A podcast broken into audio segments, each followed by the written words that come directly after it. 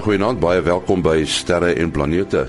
Ons het vir uh, professor Mati Hofman vanaand by die mikrofoon vir Willie Koorts daar van die SAAO en soos gewoonlik die eerste Sondag in die maand vir Dr. Japie van Sail van die Jet Propulsion Laboratory in Pasadena in Pasadena, Kalifornië.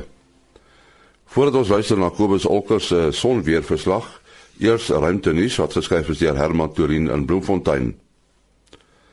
NASA se ruimtetuig Ladi se laaste manoeuvres voor dit op die agterkant van die maan neergestort het, is saam met ander grondstasies vanaf die Suid-Afrikaanse Ruimteagentskap SANSA se sentrum by Hartbeespoort beheer. Volgens SANSA se Tian Strydom het die Suid-Afrikaanse span 'n belangrike ondersteuningsrol gespeel sedert die tuig in September 2013 gelanseer is. Die tuig sou 100 dae lank opnames oor die maan se byna onbestaande atmosfeer doen en ook ander take verrig. Die tuig het egter langer operasioneel gebly, maar het op 17 April volgens beplanning geval na sy brandstof opgeraak het. Die tuig het in sy laaste manoeuvres laer as 100 meter bo aan die maanoppervlak beweeg, maar moes brandstof gebruik om te bly wentel, onder meer omdat die maan se swaartekrag onreëlmatig is. Net voordat die geval het, het die Europese Ruimteagentskap se aardstasie in Spanje laser data boodskappe van daardie ontvang. Die data het teen 80 megabytes per sekonde oor 'n afstand van 400 000 km gekom. Gedeklassifiseerde fotos wat deur spionasiesatelliete geneem is, het die afgelope paar dekades reeds tot die ontdekking van verskeie antieke stede gelei wat andersins vir die nageslag verlore sou gebly het. Dit sluit ook ander strukture in soos paaie en kanale. Maar die nuwe Corona Atlas of the Middle East wat uit hierdie foto saamgestel is, voer die vermoë om spore van verlore stede, sommiges reusagtig groot te vind tot nuwe hoogtes. 'n Span wat die foto's gebruik om 'n nuwe ontdekkings te doen, het eers die sowat 5000 plekke wat reeds bekend was aangedui en toe deur die foto's nog sowat 10000 gevind. Twee van hierdie stede wat waarskynlik uit die bronstydperk dateer, het meer as 50 hektaar beslaan. Tot sover ruimtenis geskryf deur Herman Turin. Ja, nou praat ons met Kobus Olkers, ons uh, sonkyker daar in Florida in Amerika. Hoe gaan daar die son om, Kobus? Goeienaand en nie, goeienaand luisteraars. Ehm um, ja, soos ons verlede week voorspel het, dit gaan ons 'n sou ons 'n korona gaatjie hierdie week gehad het wat ingedraai het en hy het toe natuurlik mooi klokslag woensdagoggend ehm um, sy ding gedoen. Die son se uh so makroveld het toe suid gedraai soos ons gesê het en ons bure hier in die noorde en na Kanada se koers toe en selfs in die noorde staat noordelike state van Amerika het pragtige auroras gesien. Ehm um, en dit het natuurlik ook nog gepaard gaande daarmee vir ons radiogebruikers in Suid-Afrika uh redelike slegte uh kondisies gegee. Die agtergrondgeraas is baie hoog, frekwensies was 'n bietjie skeef. Bediening is nou klaar en vir hierdie week voorspel ons dat ons uh, nog 'n voortsetting gaan hê daarvan tot omtrent so donderdag se koers toe. En ons het ook nog 'n korona gaatjie wat besig is om in te in te draai. Hy sit nou hy behoort so teen môre oor môre uh, geo-effektief te wees en dan gaan dit vir ons nog 'n bietjie ekstra geraas gee. Heel wat ons stabiliteit. ons het ook ehm um, uh, baie aktiewe area wat wat gevorm het. Hy het, hy het vroeg in die week het hy het hy verlede week ag in hierdie week het hy gevorm. Ehm um, hy het eenvoudig begin was 'n groterige sonvlek wat 'n mens met die blote oog kon sien as jy nou deur 'n gerookte spieeltjie sou kyk. En hy het in die tussentyd in 'n beta gamma uh kompleksiteit ontwikkel wat al wat dit maar beteken in gewone taal is dat hy 'n suidpool in die middel en twee noordpole wat hom uh omring, omsingel. En dit maak dat dinge baie moeilik is uh, wat kompleksiteit aanbetref en hy het dus 'n kans om M-klas fakkels uit te stuur waarvan hy reeds een of twee gedoen het uh gedurende die week. Hy gaan met ons wees nog vir ten minste ek sou sê 7 dae of so iets. Ehm um, en dan die laaste ding wat ons vir hierdie week op die op die spyskaart het is 'n bietjie van 'n ehm um, filament. Uh daar sit enetjie in die noordelike halfrond van die son wat vir my baie onstabiel lyk. So ek dink ons kan dalk uh af binne die volgende dag of twee sou ek sê um, 'n bietjie uh sterings verwag in ons GPS en die, en die soort van goed. Nou goed, Kobus, jou kontakbesonderhede? Dit is kobusokkers@gmail.com. Dis K O B U S O L C K E R S by gmail.com. As hy baie dankie Kobus Okkers daar in Florida in Amerika. Uh, ja, ek was sommer so half met die deur in die huis val. Ons het nou as jy saam met ons gesels baie oor die rooi planeet gesels en hy is nou baie mooi sig sigbaar.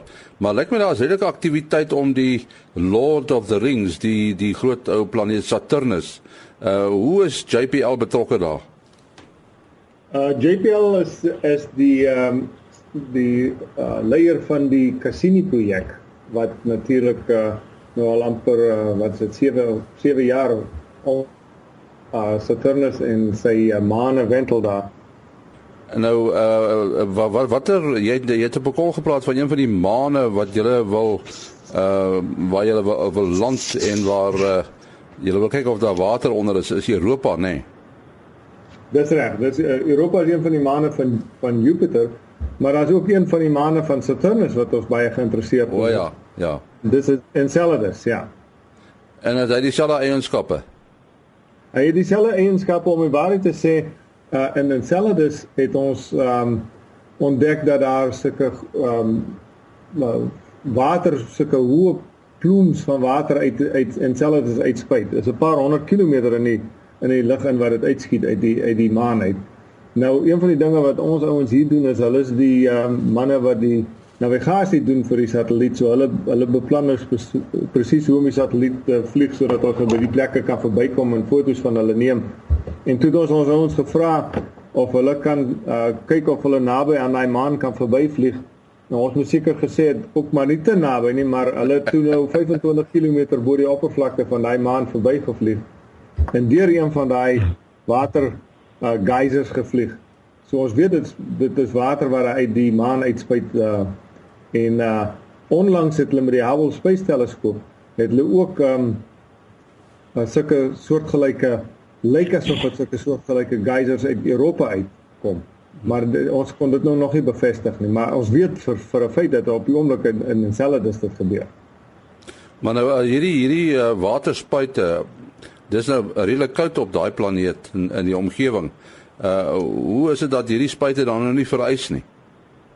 De, kyk dit is natuurlik waterdeeltjies wat uitkom nê nee, en en dit verander dan in ys wanneer dit uitgekom het. So ons neem wanneer ons nou deur die spuit vlieg sal ek maar sê dan dan neem ons nou fotos en uh, uh spektra van die van die partikels en dan kan ons nou sien of dit water is en wat wat die water se bestanddele en so aan is. Maar dit dit vorm later ys om die waarheid te sê mense het later bewys dat van die ys partikels uh, word dan deel van die ringe van Saturnus. Kom seker ondergronds uit dat dit nie uh, nou bevoor is dat die toestand die hele tyd is nie dat dit 'n spuit kan maak.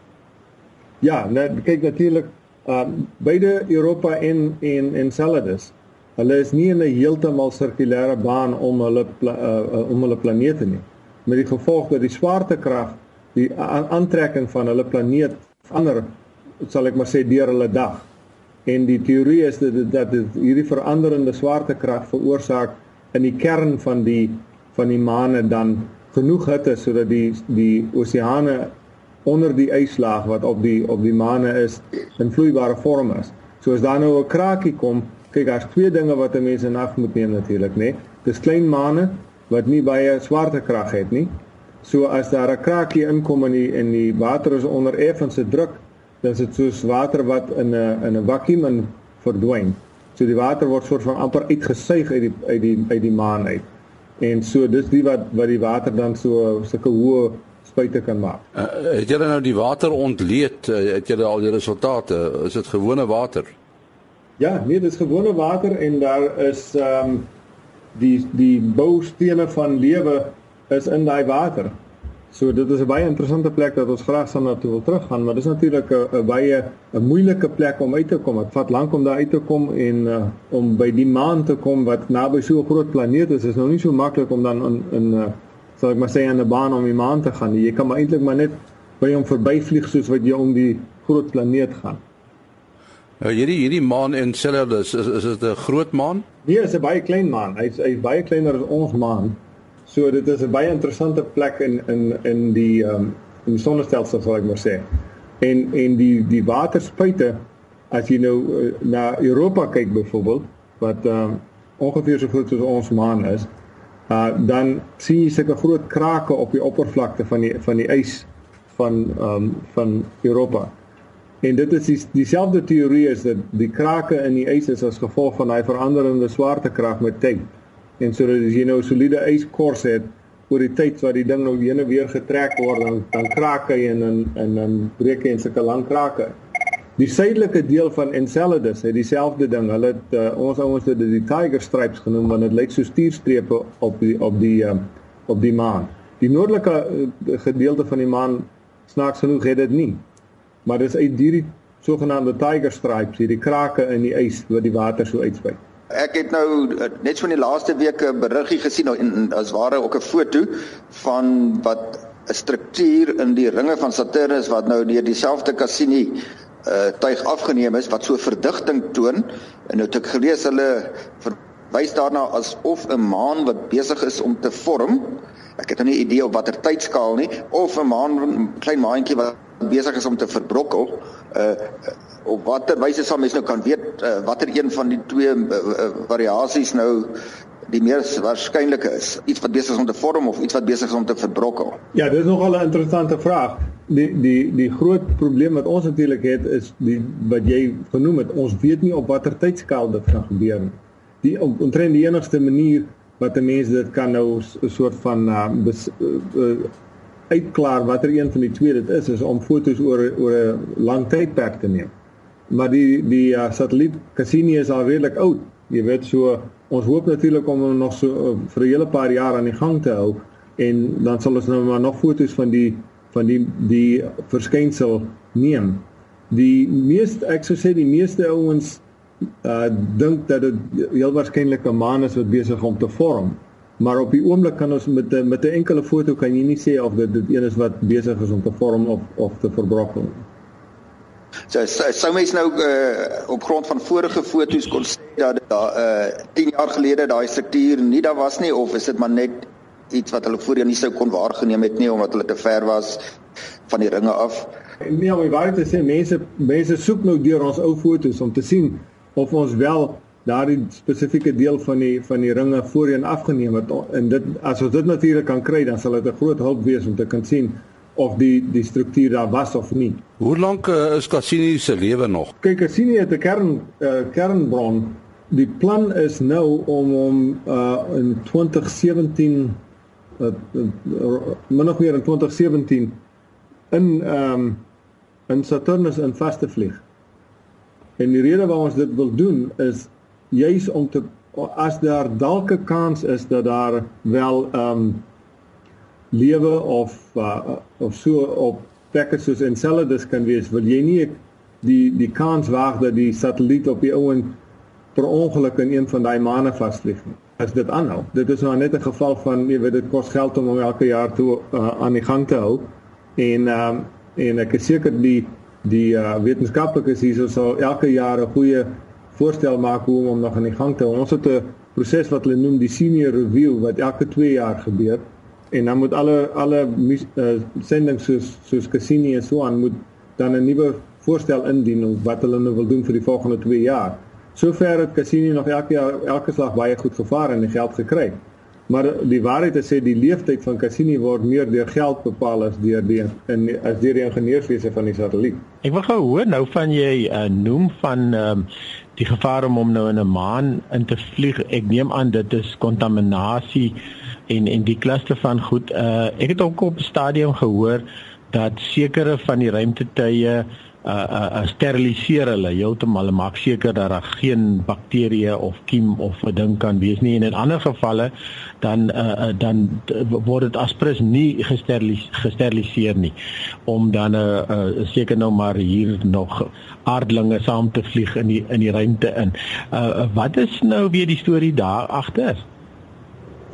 Uh ons het baie streng uh vereistes wat betref sogenaamde planetary protection. As daar enigstens 'n kans is dat die satelliet op 'n ander planeet kan beland, dan moet jy hom steriliseer. Uh om die waarheid te sê, ja. ouens gaan spesifiek soen toe met um met goed soos hierdie wat hy ons uh, oorpleise en so aan en hulle gaan krap op die op die satelliet net voor ons hom lanseer en dan analiseer hulle dit om en dan moet dit minder as 'n sekere hoeveelheid uh uh mikrobes en so aan op op die op die satelliet wees anders dan mag jy nie lanseer nie. Jy is doodreg, dit is vir kontaminasie wat ons dit liewerster dan in in Saturnus in vasvlieg. Ons het dit met die Galileo satelliet gedoen oorspronklik met uh, met Jupiter ook. Hy het hy's in Jupiter in vasgevlieg om hom van Europa af weg te hou.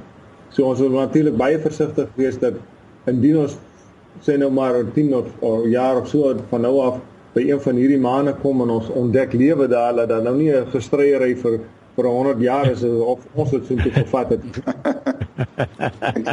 nou in daardie uh, oomblikke wat die uh, satelliet dan nou waarskynlik in Saturnus sal invlieg, uh, kan daar waardevolle data versamel word en vir hoe lank voor die sein nou sal verdwyn want die ek kan my nou voorstel Saturnus word nou geleidelik digter. Ek mos nie 'n skerp rand nie. Ehm um, So dit kan seker op sigself ook interessant wees. Ja, nee, ja natuurlik. Ons het dieselfde met met Jupiter gedoen soos ek gesê het.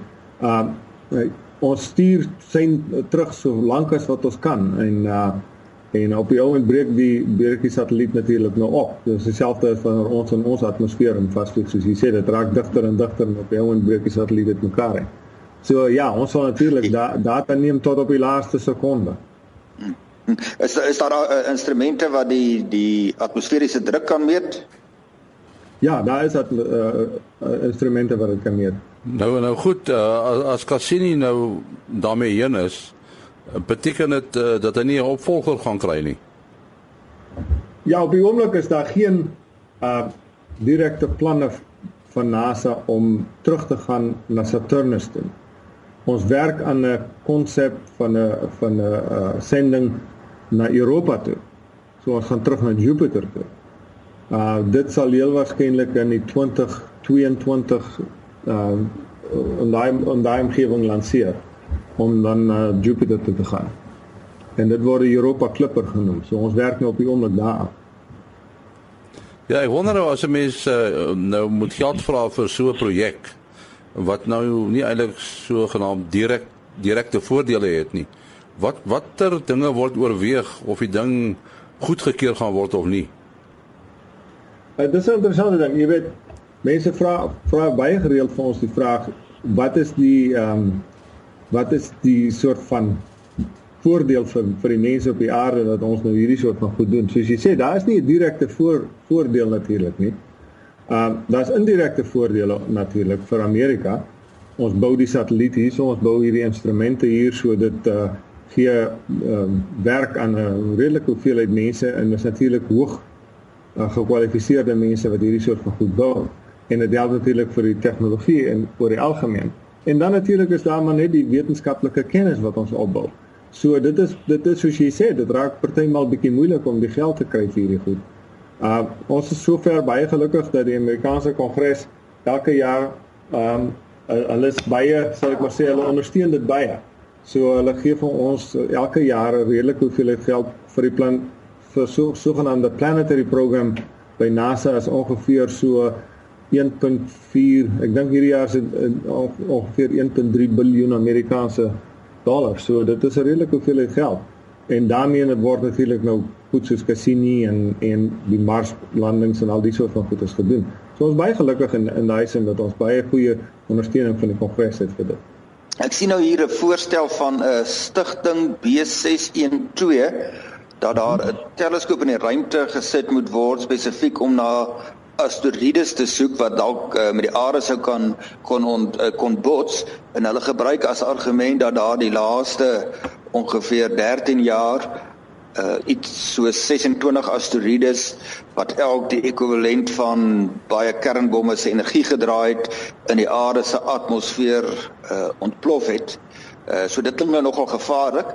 Uh en as mens nou dink aan iets nuttigs doen, uh, dan klink dit nou nogal vir my iets wat in die belang van die mensdom sou kon wees om so 'n ruimteteleskoop te hê.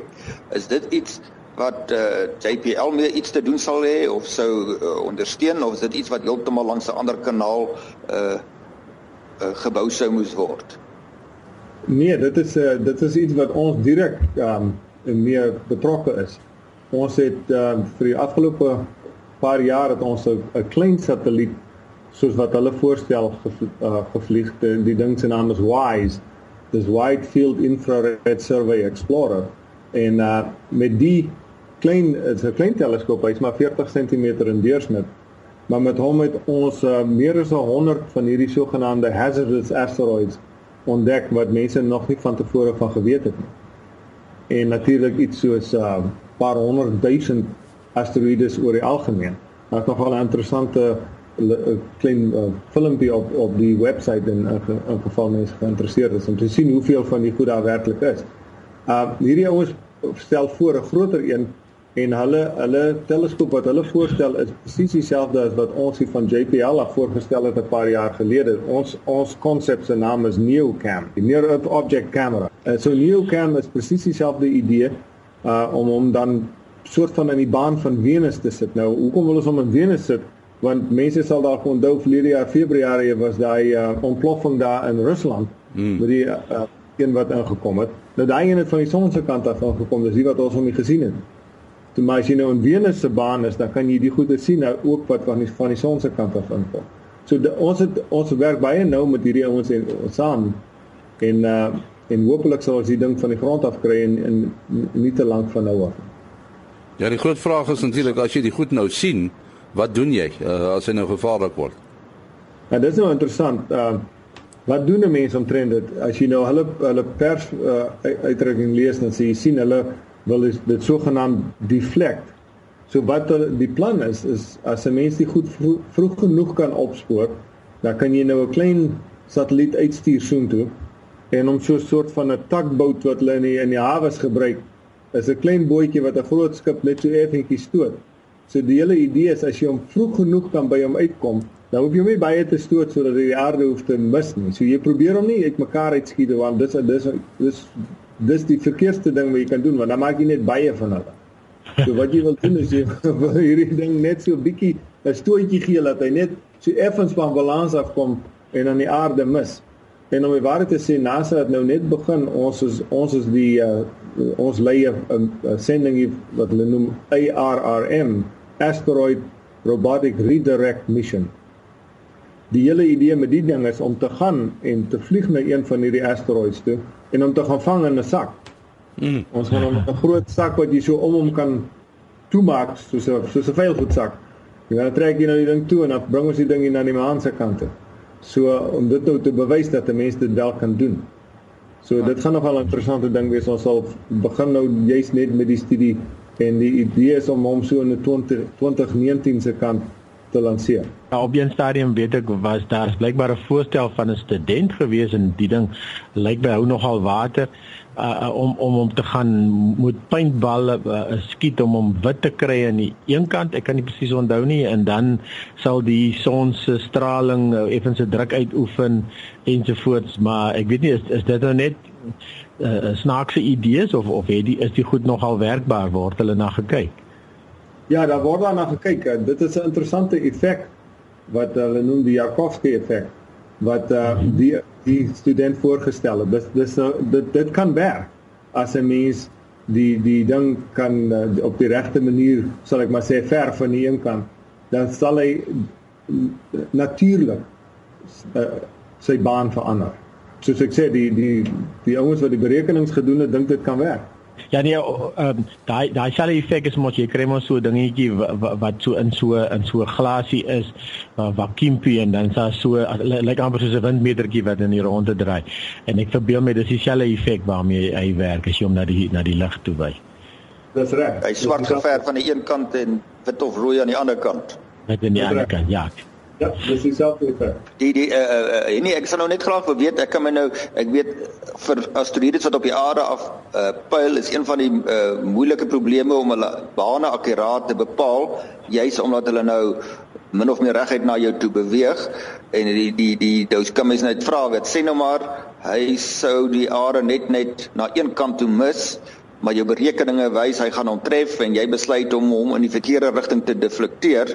Uh so, so mens sal dan baie seker van jou saak moet wees en ek ek neem aan 'n teleskoop in die ruimte gaan jou dalk jy's in staat stel om uit 'n ander hoek te kan kyk of in elk geval jou waarnemings baie akkurater te maak dat jy 'n beter baanberekening kan doen.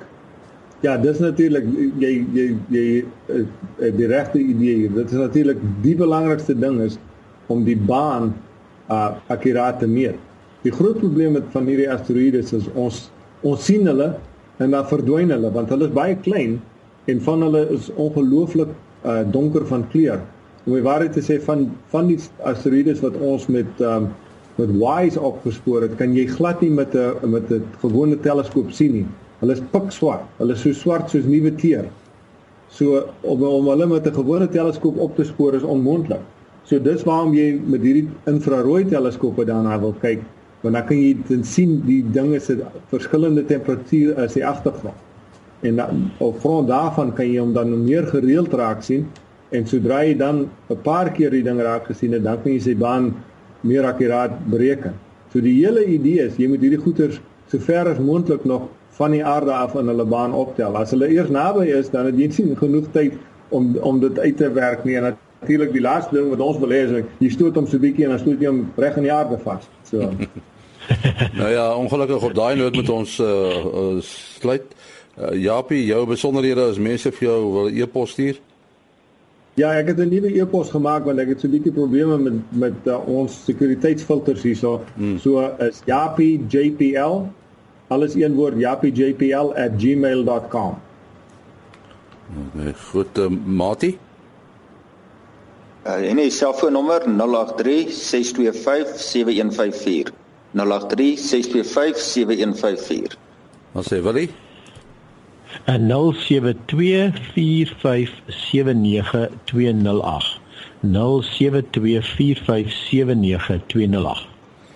En my besonderhede maas.henny@gmail.com maas.henny@gmail.com. Ons sê baie dankie aan Dr. Japie van Sail daar van uh, eh, JPL in Pasadena, Kalifornië. Professor Mati Hofman van uh, die Universiteit van die Vrystaat en ook Willie Koorts van die SAA. Tot 'n volgende keer. Mooi dag.